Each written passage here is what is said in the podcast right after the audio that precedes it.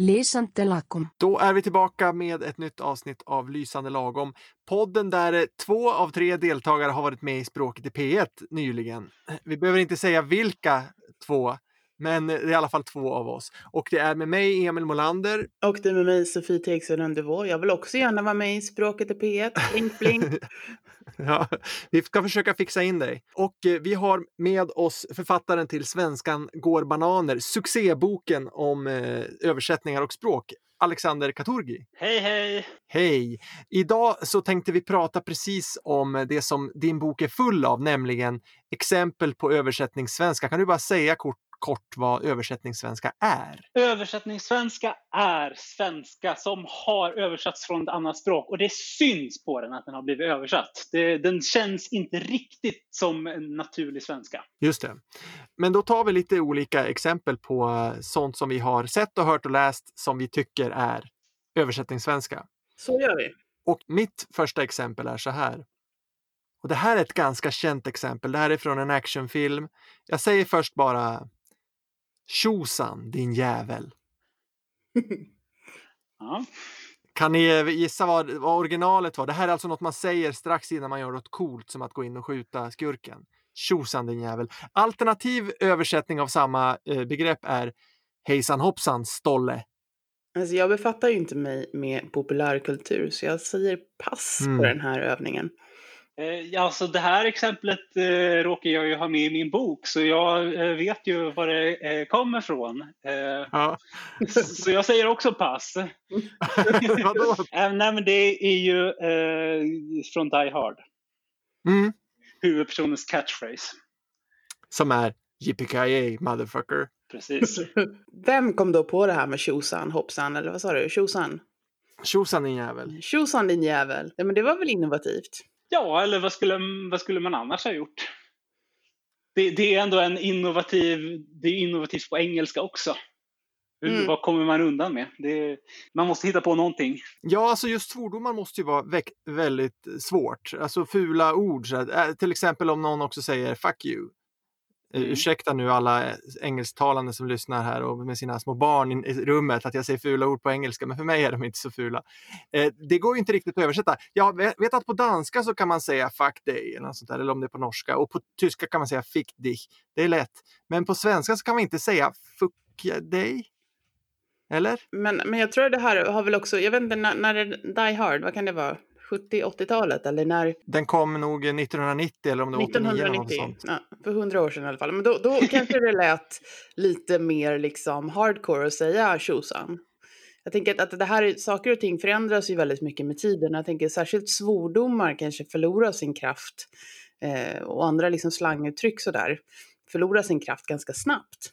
Ja, sen tänker jag väl alltså Yippee var det så himla hardcore på engelska då heller? Jag tror, alltså jag tror väl att det är lite, det var väl lite grejen med uttrycket att det kändes lite out of place. Det här är ju bara Ja, gissningar. just jag har inte liksom studerat den här saken. Eh, Ja, det är sant. Yippee är också lite töntigt på något Ja. sätt.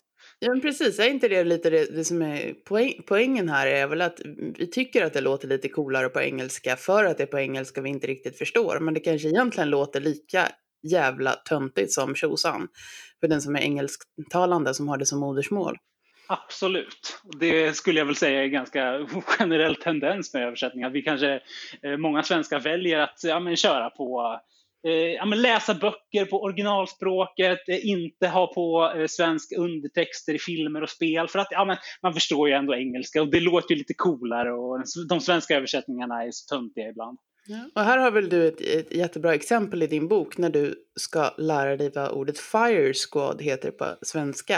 Och Ja. så slår du upp det och lär dig att det heter omgång. Liksom svenskans ocoolaste ord liksom. Ja, Jag har en bonus här på eh, hur Yippee motherfucker har översatts till danska. mm. Då har det översatts till Juhu rövbanan. ja.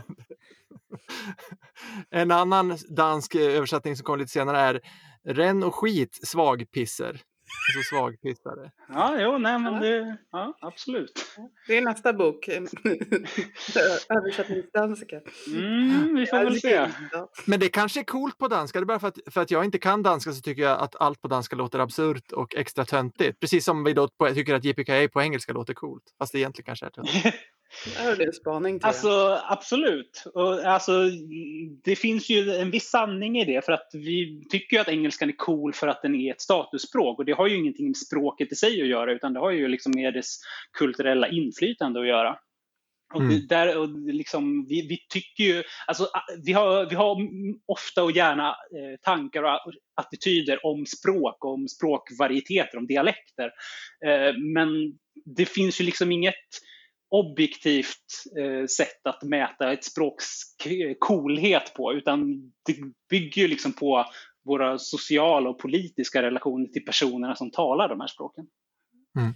Det var ju ganska intressant det som hände när eh, den norska serien Skam kom. För att jag, jag upplevde i alla fall att tidigare så har, man, har man, bilden av norska varit att det är liksom töntigt och vi går på tur och det är guleböj. Och sen kom den här coola ungdomsserien och då började, man, började folk, eh, i alla fall lite grann, använda de här uttrycken på, no- på norska, kudderdueller och sånt. Och det blev det liksom lite, statusen höjdes och det blev lite coolare med norska där, upplevde jag. Mm. Det här, det här för mig faktiskt vidare rakt in i mitt exempel på översättningssvenska som är skandinavisk design. Hmm. Hmm. Alltså, jag vet ju att det finns ett problem där med att på engelska så heter ju, när man säger Scandinavia, då menar man Norden. Mm. Alltså Norden heter Scandinavia på engelska så att det är fem länder och inte det som vi kallar Skandinavien som bara är tre länder. Jo, det är väl egentligen det som är problemet. Jag, jag vet inte om du, Ale- Alex, vill, vill tillägga något här innan jag börjar på min lilla rant här. Eh, nej, jag känner inte igen exemplet men jag antar att du tar upp det för att det syftar på design från ett eh, utomskandinaviskt land. Ja, precis. Alltså det, det syftar ju på eh, eh, design framförallt från, från då Sverige, Danmark och Finland. Och Ah, Eh, e, enligt våra skandinaviska definitioner så ingår ju Finland inte i de skandinaviska länderna utan det ingår däremot i, inom Norden. Men precis som Emil säger så pratar man ju i, i, i utlandet gärna om Scandinavia och inkluderar gärna Finland där eller vet kanske inte riktigt vad man, vad man inkluderar där. Men jag gjorde ett litet test här och sökte på Google både på skandinavisk design och nordisk design. Eh, och skandinavisk design får 12 eh, miljoner träffar på Google medan nordisk design får 65 miljoner 100 000 eh, träffar. Men det, det intressanta är ju att liksom ah, Staland och sådana här stora möbelföretag, de har ju inkluderat liksom det här skandinavisk design som ett eh, nyckelord för att få liksom bra träffar. Så det har ju på något sätt blivit ganska etablerat, tänker jag. Eh, fast det egentligen är översatt kanske från, från engelska och liksom har tagit en, en runda runt liksom från Skan- Norden ut i världen och tillbaka till Skandinavien. mm. Samma sak eh, kan ju å andra sidan sägas om eh, våra, vårt namn för United Kingdom Just som det. ju är Storbritannien. Och, Storbr- och Great Britain, det syftar ju inte på, på hela United Kingdom. Precis, det är själva ön liksom där, där, Wales och Skottland och England ligger tror jag. Precis. Ja. Medan i United Kingdom är då också Nordirland inkluderat. Men vi gör inte den skillnaden på svenska utan vi säger Storbritannien och då kan vi mena antingen ön eller hela nationen. Mm. Och Eller i- så säger vi bara England och menar hela grejen. Vet Ja, jag det som, som, som har bott i. Skottland många år. Så det, det går ju åt eh, båda håll så att säga. In, ingen respekt. Nej. Mö, möjligen då så, säger man, så drar man ju till med det engelska namnet på, även på svenska. Ja, men jag ska åka till United Kingdom eller UK. Eller- UK. Ja, UK. Jag ska till UK, du vet. Mm. Ja, men du vet, jag ska till UK på, eh, på semestern. Ja, Ja, vet. det passar ju bra för mig. Ibland så säger man att man ska gå på NK och då kan man ibland åka till UK. Så det är perfekt kombination. Ja. Alex, ska du ta ditt? eh, Ja, eh, vi börjar med en enkel fras. Den dolda dörren. Ja. Det svenska ordet skulle då vara lönndörren. Ja, Ja. Men heter det the hidden door på engelska? ja det finns Har de inget inget- ord för? Nej. Ah, okej. Hidden door, the secret door och sånt där. Det är allt man kommer undan med. Där har vi Ja. ett väldigt, väldigt vackert ord på svenska, lönndörr. Vad, vad kommer det, vad finns det mer för ord med lönn? Lönn, lönn, Lönndom, Jag gjorde det i lönndom. Eh, lönnmördare. lönnmördare. Mm. Men det är väl lite intressant tycker jag det här att, att liksom vi har några andra exempel på liknande ut, alltså, fenomen i, i din bok, till exempel det här med björk, bark. Ja, men på svenska finns ett jättefint ord som är näver. Att, att man måste ju kunna svenska väldigt, väldigt bra för att kunna jobba som översättare från engelska eller vilket annat språk som helst till svenska. För att det handlar ju om att verkligen komma på de där orden som inte är uppenbara. Eh, just liksom, säkert skulle många av oss först skriva liksom den gömda dörren, men sen efter ett tag liksom kom på, nej men det där är inte sant, det finns ju ett bättre ord. Och då måste man ha väldigt goda eh, språkkunskaper och en väldigt stor vokabulär för att det där ska fungera. Ja, framförallt en väldigt stor aktiv vokabulär. Alltså, de flesta känner säkert till ordet lönndörren, men när man sitter där och ser eh, på sin skärm the hidden door, ja, den dolda dörren, det är väl inte krångligare än så. Och jag menar, det är ju grammatiskt korrekt, så man kanske inte alls tänker mer på den saken. Ja, det här stämmer. Mm. Nej, och frågan är ju också om publiken som läser det eller eh, hör det tänker på det också. Eller är det bara sådana som är lite skadade som vi då, som tänker på att det där är Ja, nej, översättningssvenska? ab- absolut. Det är, det är en relevant fråga. Men det, det skriver du i din bok också, så här, varning, så här, om när du har läst den här boken så kommer du aldrig bli det, detsamma ungefär. Du kommer märka sådana här uttryck hela tiden. Ja. Och det stämmer väl lite? Jag Ja. har ju redigerat den här boken och jag kan intyga att det stämmer ganska väl. Det, det är fruktansvärt jobbigt att, att, att leva efter att ha läst Svenskan går bananer. Eh, ja, bra eh, säljpitch. ja, tack så. Ja, det här är också från eh, en amerikansk film. Ni ni märker, jag och Sofie är varandras motsatser. Sofie ser aldrig spännande filmer, men det gör jag. Eh, det här kommer från filmen Full Metal Jacket. Stanley Kubrick och det är militär. Det börjar på ett militärläger där de ska, de ska lära sig bli hårda soldater. Eh, rekryterna står uppställda på led och framkommer då den hemska och elaka, det elaka befälet. Och då går han fram till en och så säger han så här. Namn uttjänta kodis. Alltså, jag tar det en gång till. Namn uttjänta kodis. Okej. Kan ni gissa vad originalet var? Nu är det ursäkta, det är lite barnförbjudet igen här, men Jo, men- kodis, alltså Vi- kondom. Jo, men det, det, det förstår vi. Men, men eh, ehm, jag skulle gissa något med rubber på den här. Jag skulle ju eh, tro att det är eh, en ganska direkt översättning. Used rubber.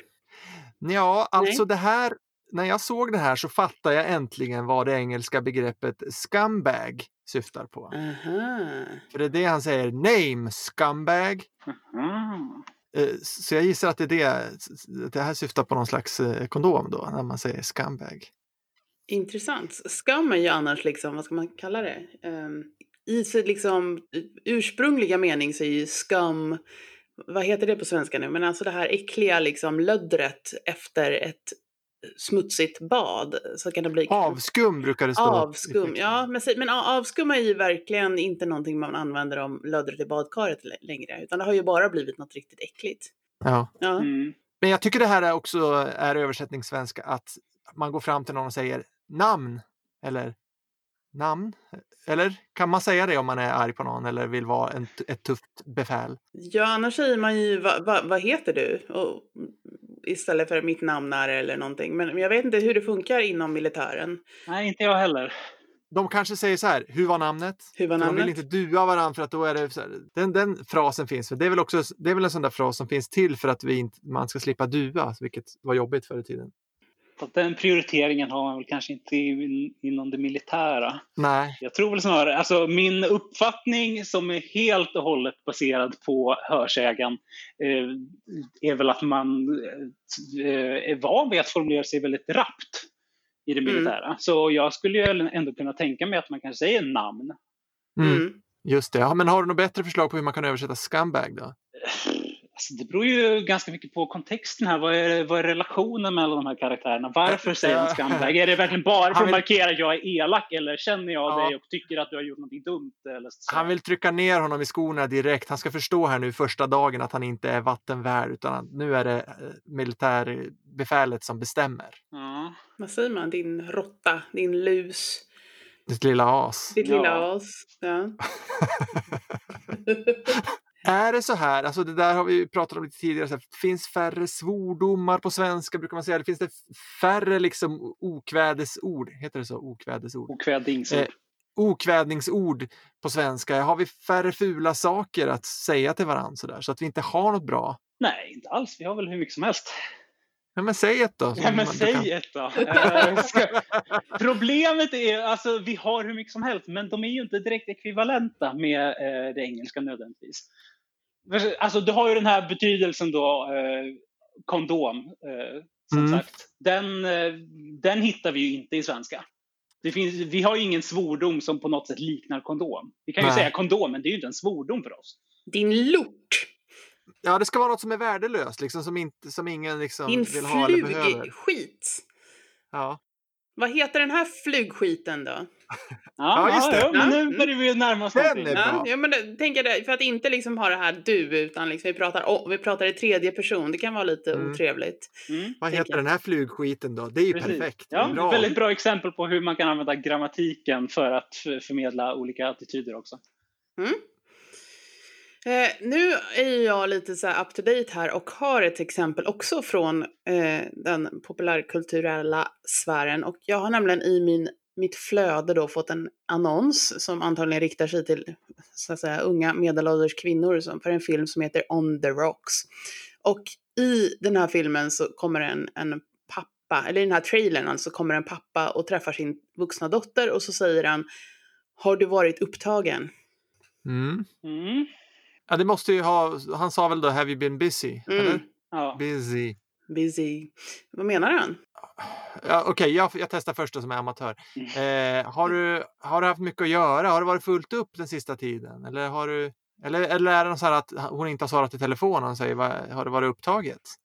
Eller? Vad säger experten? Eh, ja, alltså experten, herregud, jag vet inte vad det här är. Det kan ju vara vad som helst, men min gissning är att eh, han förväntar sig att hon ska ha gjort någonting. Alltså mm. been busy. Och då frågar han, ah, har du gjort det? Have you been busy?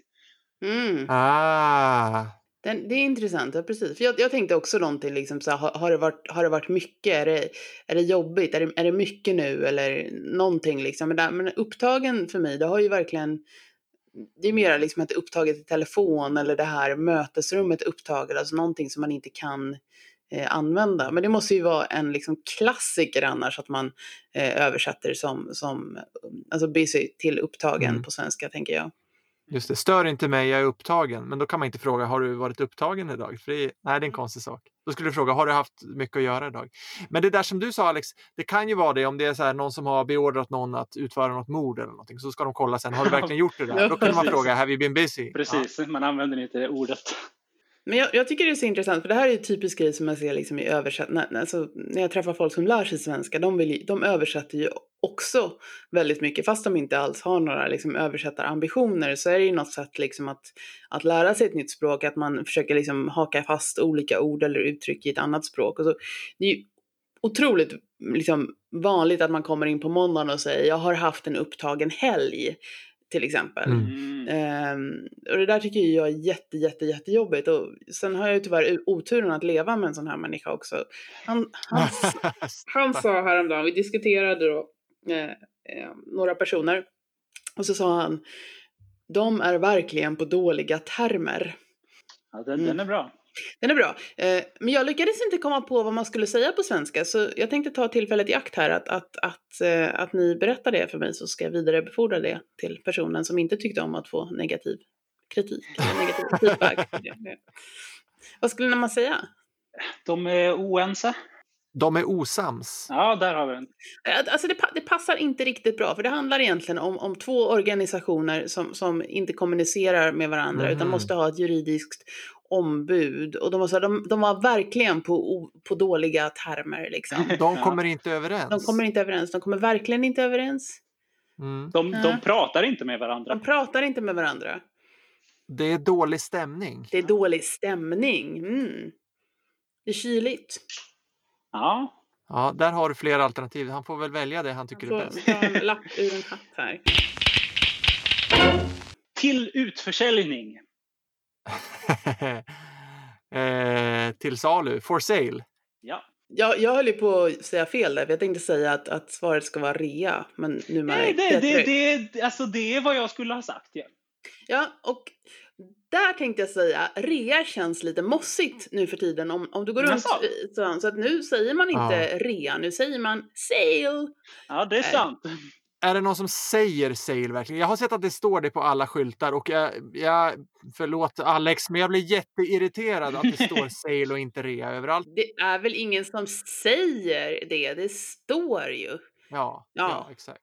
Jo men sig, när man pratar om det, jo men det är rea på, på bla bla, jag ska gå dit. Ja. Ja. Men, men, Men varför kan de inte skriva det på skyltarna? Jättekonstigt. Det är inte lika coolt som Mm. engelskan. Ja, men, precis, Men det oavsett väl, vilket kan vi ju vara ganska överens om att utförsäljning till utförsäljning, det är helt fel. det är helt fel och jättekonstigt. Ja, man kan ju skriva bara utförsäljning, men då betyder det att man har gått i konkurs och vill Ja. sälja allt. Precis. Okej, ska jag ta nästa? Yes. Det här är då en, eh, en makaroni-paket.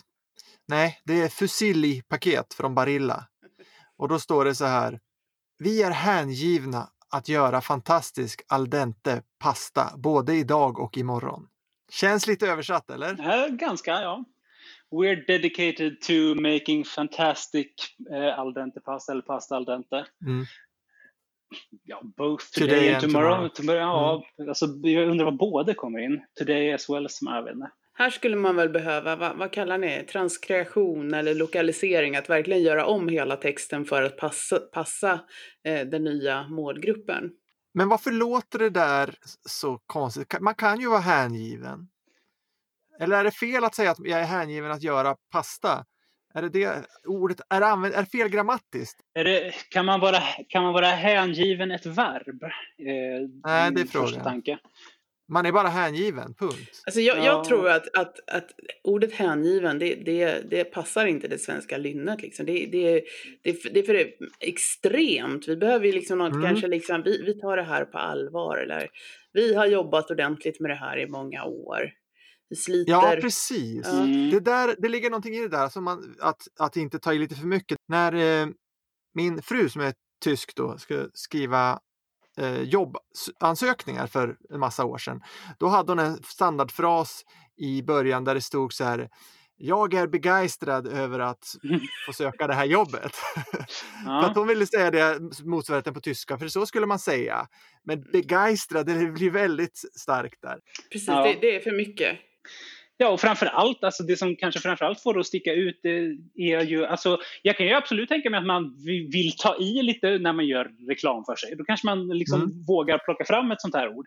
Men just hängiven, jag tror det stora problemet är att dedicated helt enkelt är så mycket vanligare på engelska än vad hängiven är på svenska. Mm. Och liksom oavsett eh, betydelsen så bara känns det som ett lite märkligare ord. Det är alltså Mm. ett ord som man förmodligen inte skulle använt om man skrev på svenska, även om man ville ta i lite extra. Mm. Men sen finns Just det, ju trender här inom liksom copywriting och så. Alltså jag tror ju att det här skulle liksom bli, jag tror att om, om man skulle göra, göra om det här så skulle man liksom dra ner det på lite, göra det lite mer så här liksom att det här är ett litet företag, att jo men vi, vi i familjen här, vi tar det här med pasta på största allvar och vi tänker laga det lika god mat för oss som till våra barn eller någonting. Att jag skulle göra det mycket mer Mm. personligt och småskaligt. För det är väl också det som attraherar svenska pastaköpare nu tiden. Så den känns lite liksom otidsenlig också tycker jag. Ja, jag skulle nog kanske skriva vi arbetar hårt med att göra fantastisk pasta för dig eller till dig. Eller vi har alltid arbetat hårt, så får man med det där idag och imorgon också. Är det Mm. viktigt med alltså, arbeta hårt? Det känns inte heller så här jättesvenskt.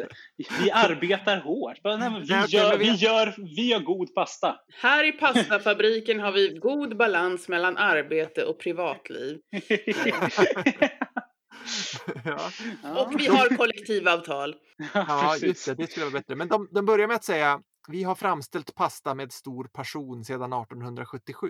Ja, Det är också lite översättningssvenska i det. det är absolut. Och sen står det varje dag ökar vi vår kunskap och våra färdigheter från jord till bord. Mm. Vi är hängivna att göra fantastiska pasta. Men Ja. där har de ju faktiskt fått till något från jord till bord. Det, det, det är väl liksom det mest originella i den här översättningen tänker jag i och med att det faktiskt rimmar. Och jag tror inte att det har varit från from earth eller from soil to table utan det, det har, där har de liksom kommit på något snyggt liksom. Jag skulle nog säga att eh, det är en ganska etablerad eh, fras i Jaha. sammanhanget. Jag tycker absolut att jag har hört det förr i, när man marknadsför mat. Mm. Eh, Jag tycker det här med att de skriver vi ökar vår, kuns vår kunskap och våra färdigheter. Det där är sånt som jag tycker jag upptäcker eh, ofta i eh, andra språksinlärares texter. Att man, man kan inte bara säga en sak utan det ska vara två som är, Mm. betyder nästan exakt samma sak som man skriver efterhand. mm. Eh, det brukar jag ofta rätta och stryka välj en och så säg det. Ja, precis. Men har Men det också, inte... nej, men bara eh, att eh, eh, man ökar något. Så, så heter det ju faktiskt inte. Nej, Vi ökar vår kunskap. Nej, vår kunskap ökar, men inte vi Just det. ökar vår det, kunskap. det är inte riktigt ett transitivt verb. Nej. Precis. Mm. Mm, det är intressant, för jag fortsätter här på mattemat eh, och Mm. det kommer en riktig översättning här. Blåsa hallon. Ah! Exakt. ja, Ja, ja, Det nej, heter blow, blow raspberries på engelska. precis, när man sätter munnen typ mot en bebis kind eller bebis mage och blåser ut luft så att det låter som Nej. eh, Alex just visade. Det är väl när man sätter tungan och blåser ut för att då ser tungan ut som ett hallon. Låt oss säga att det är båda helt enkelt. Båda. Okej. Lite kompromiss här. Mm. Ja, Ja, vad eh, heter nej, det på men- svenska? Ja, det är en väldigt bra fråga. Det undrar jag också. Jag, alltså jag har stött på det här eh, flera gånger. N- När, vi, när jag översätter eh, för röstskådespelare så att Mm. eh, översättningen faktiskt ska läsas in, då måste ju olika ljudeffekter också skrivas ut. Eh, det ska ju gärna då vara alltså den svenska röstskådespelaren som gör Mm. dem också. Eh, och hur skriver jag då? Hur beskriver jag att du ska göra det här ljudet? Eh, Ja. Alltså lipa, nej, det går ju inte. Det är ju inte samma sak överhuvudtaget. ja. Nej. Eh, Du har ju småbarn hemma, Emil, så du kanske har en... en, en ett Alltså jag skulle kalla det prutta med munnen. Ja, för vi, vi har en, en etablerad term här hemma. ja. Pruttpuss. Ah, när man gör det på ba- barnets mage. Ja. Eller på kinden. Mm. ja. Ja. ja, det Ja. känns som att det här måste vi etablera så att vi fyller Ja. den här lilla luckan vi har i språket. ja hallonblåsning känns lite... Ja, det känns, ja, faktiskt. Ska vi ta eh, Alex sista? Ja, okej. Då, det här såg jag på en Netflix-serie bara häromdagen. Eh, servitrisen nämnde bärgaren. De kanske såg något. Mm. Servitrisen nämnde bärgaren. De kanske såg något. De kanske såg något till och med. Eh, den betoningen. De kanske såg något. Okej, ja. Ja, just det. Det är det där, bärgaren är en person som, eh, som vi inte vet riktigt vem det är och det är, vi vet inte om det är man eller kvinna så vi säger inte, eller på engelska så säger de they. Var det bärgaren med E eller Ä? Eh, med ä. Ja. Så den som körde bärgningsbilen? Ja. Ja, men då är det, då är det väl eh, hen då som, som skulle vara motsvarigheten till, som är bättre än dem i det fallet. Ja, tycker jag i alla fall. Men, eh, Ja. men problemet med hen och förmodligen anledningen till att det, det undviks är ju att det uppfattas fortfarande av somliga som politiskt laddat. Mm. Mm. Och då betyder ju det att det skulle störa och då väljer man bort det. Precis, och sen kan man inte skriva hon heller därför att då skulle några säga, ja men det är oftast en han som jobbar med bärgningsbilar och man kan inte heller skriva han därför att då kan man säga det kan faktiskt vara en hon som kör Mm. bärgningsbil. Och då tar man det här engelska sättet att man kan alltså ha ett singular dom eh, när man pratar om en person som man inte vet könet på men som egentligen inte är ett etablerad norm på svenska. Precis. Men skulle det vara hjälpsamt för oss om de eh, kan användas sådär som ett, som ett eh, könsneutralt pronomen? Eh, alltså ja, egentligen. Eh, absolut. För det skulle ju ändå, det skulle ju göra, det skulle ju fylla en funktion. Mm. Och eh, det skulle ju in, kanske inte störa lika mycket, störa somliga lika mycket. Eh, Mm. Men eh, problemet är ju att vi har redan ett ord som fyller den här funktionen. Eh, Vederbörande. Ja, jo precis. Det Du tänker på hen förstås? ja, det gör jag. Eh, Ja. men, eh, och nu, det här, det här är ju, eh, nu antar vi att översättaren fattade det aktiva beslutet att nej, men jag ska översätta det till dem så att det inte stör så mycket. Det kan ju också ha varit så att det var en direktöversättning som inte var så genomtänkt. Alltså där kan man ju ändra lite, för jag tänker istället, ordet bärgaren tycker jag är ett ganska ovanligt ord på svenska. Jag skulle ju egentligen nog ha sagt bärgningsbilen och liksom pratat om, om bilen, fast det är egentligen inte bilen som har sett något. Men då hade ju de funkat lite bättre tycker jag. Mm. Alltså om jag sa, hur är det med bärgningsbilen? De kanske har sett något och då kan man kanske Mm. ta för givet att det är en eller två personer där i. Så att jag tror att man skulle kunna liksom zooma ut lite och titta lite mer på kontexten och se hur man skulle ändra det där för att det skulle bli mer, eh, det kännas lite mer idiomatiskt. ja, Jag har ett förslag som kanske inte är jätteidiomatiskt, men man kanske kan säga så här. Eh, servitrisen pratar om bärgaren som kanske har sett något. ja, Mm.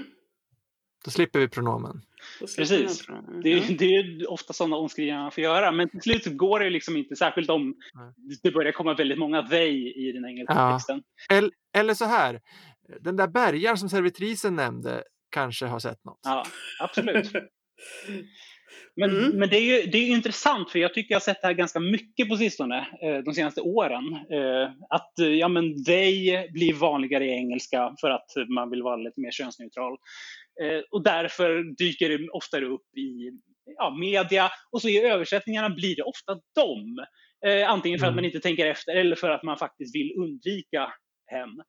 Mm. Och då, alltså det kan ju eh, leda till att de blir vårt nya könsneutrala pronomen.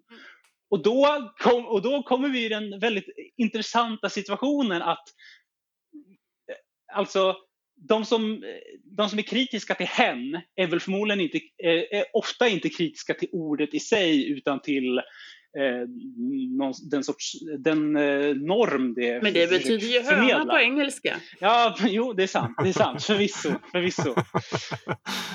Eh, men då, men då liksom får vi ett ord som befäster den här normen fast det inte är samma ord. Eh, är det då mer okej helt plötsligt?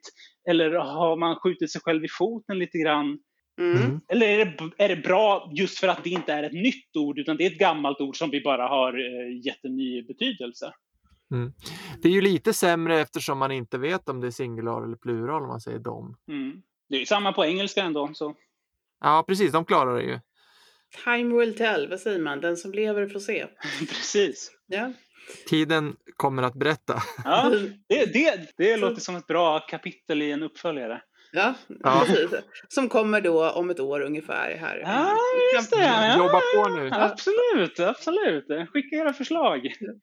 Den som gillar sån här översättningssvenska ska ju absolut införskaffa Svenskan går bananer, en bok om översättningar som syns, som är eh, den fantastiska boken som Alex har skrivit. Man kan ju också höra av sig för vi behöver fler eh, exempel till uppföljaren. Så hör gärna av oss till oss på sociala medier. Vi heter Lysande lagom i alla kanaler och berätta om era exempel på översättningssvenska.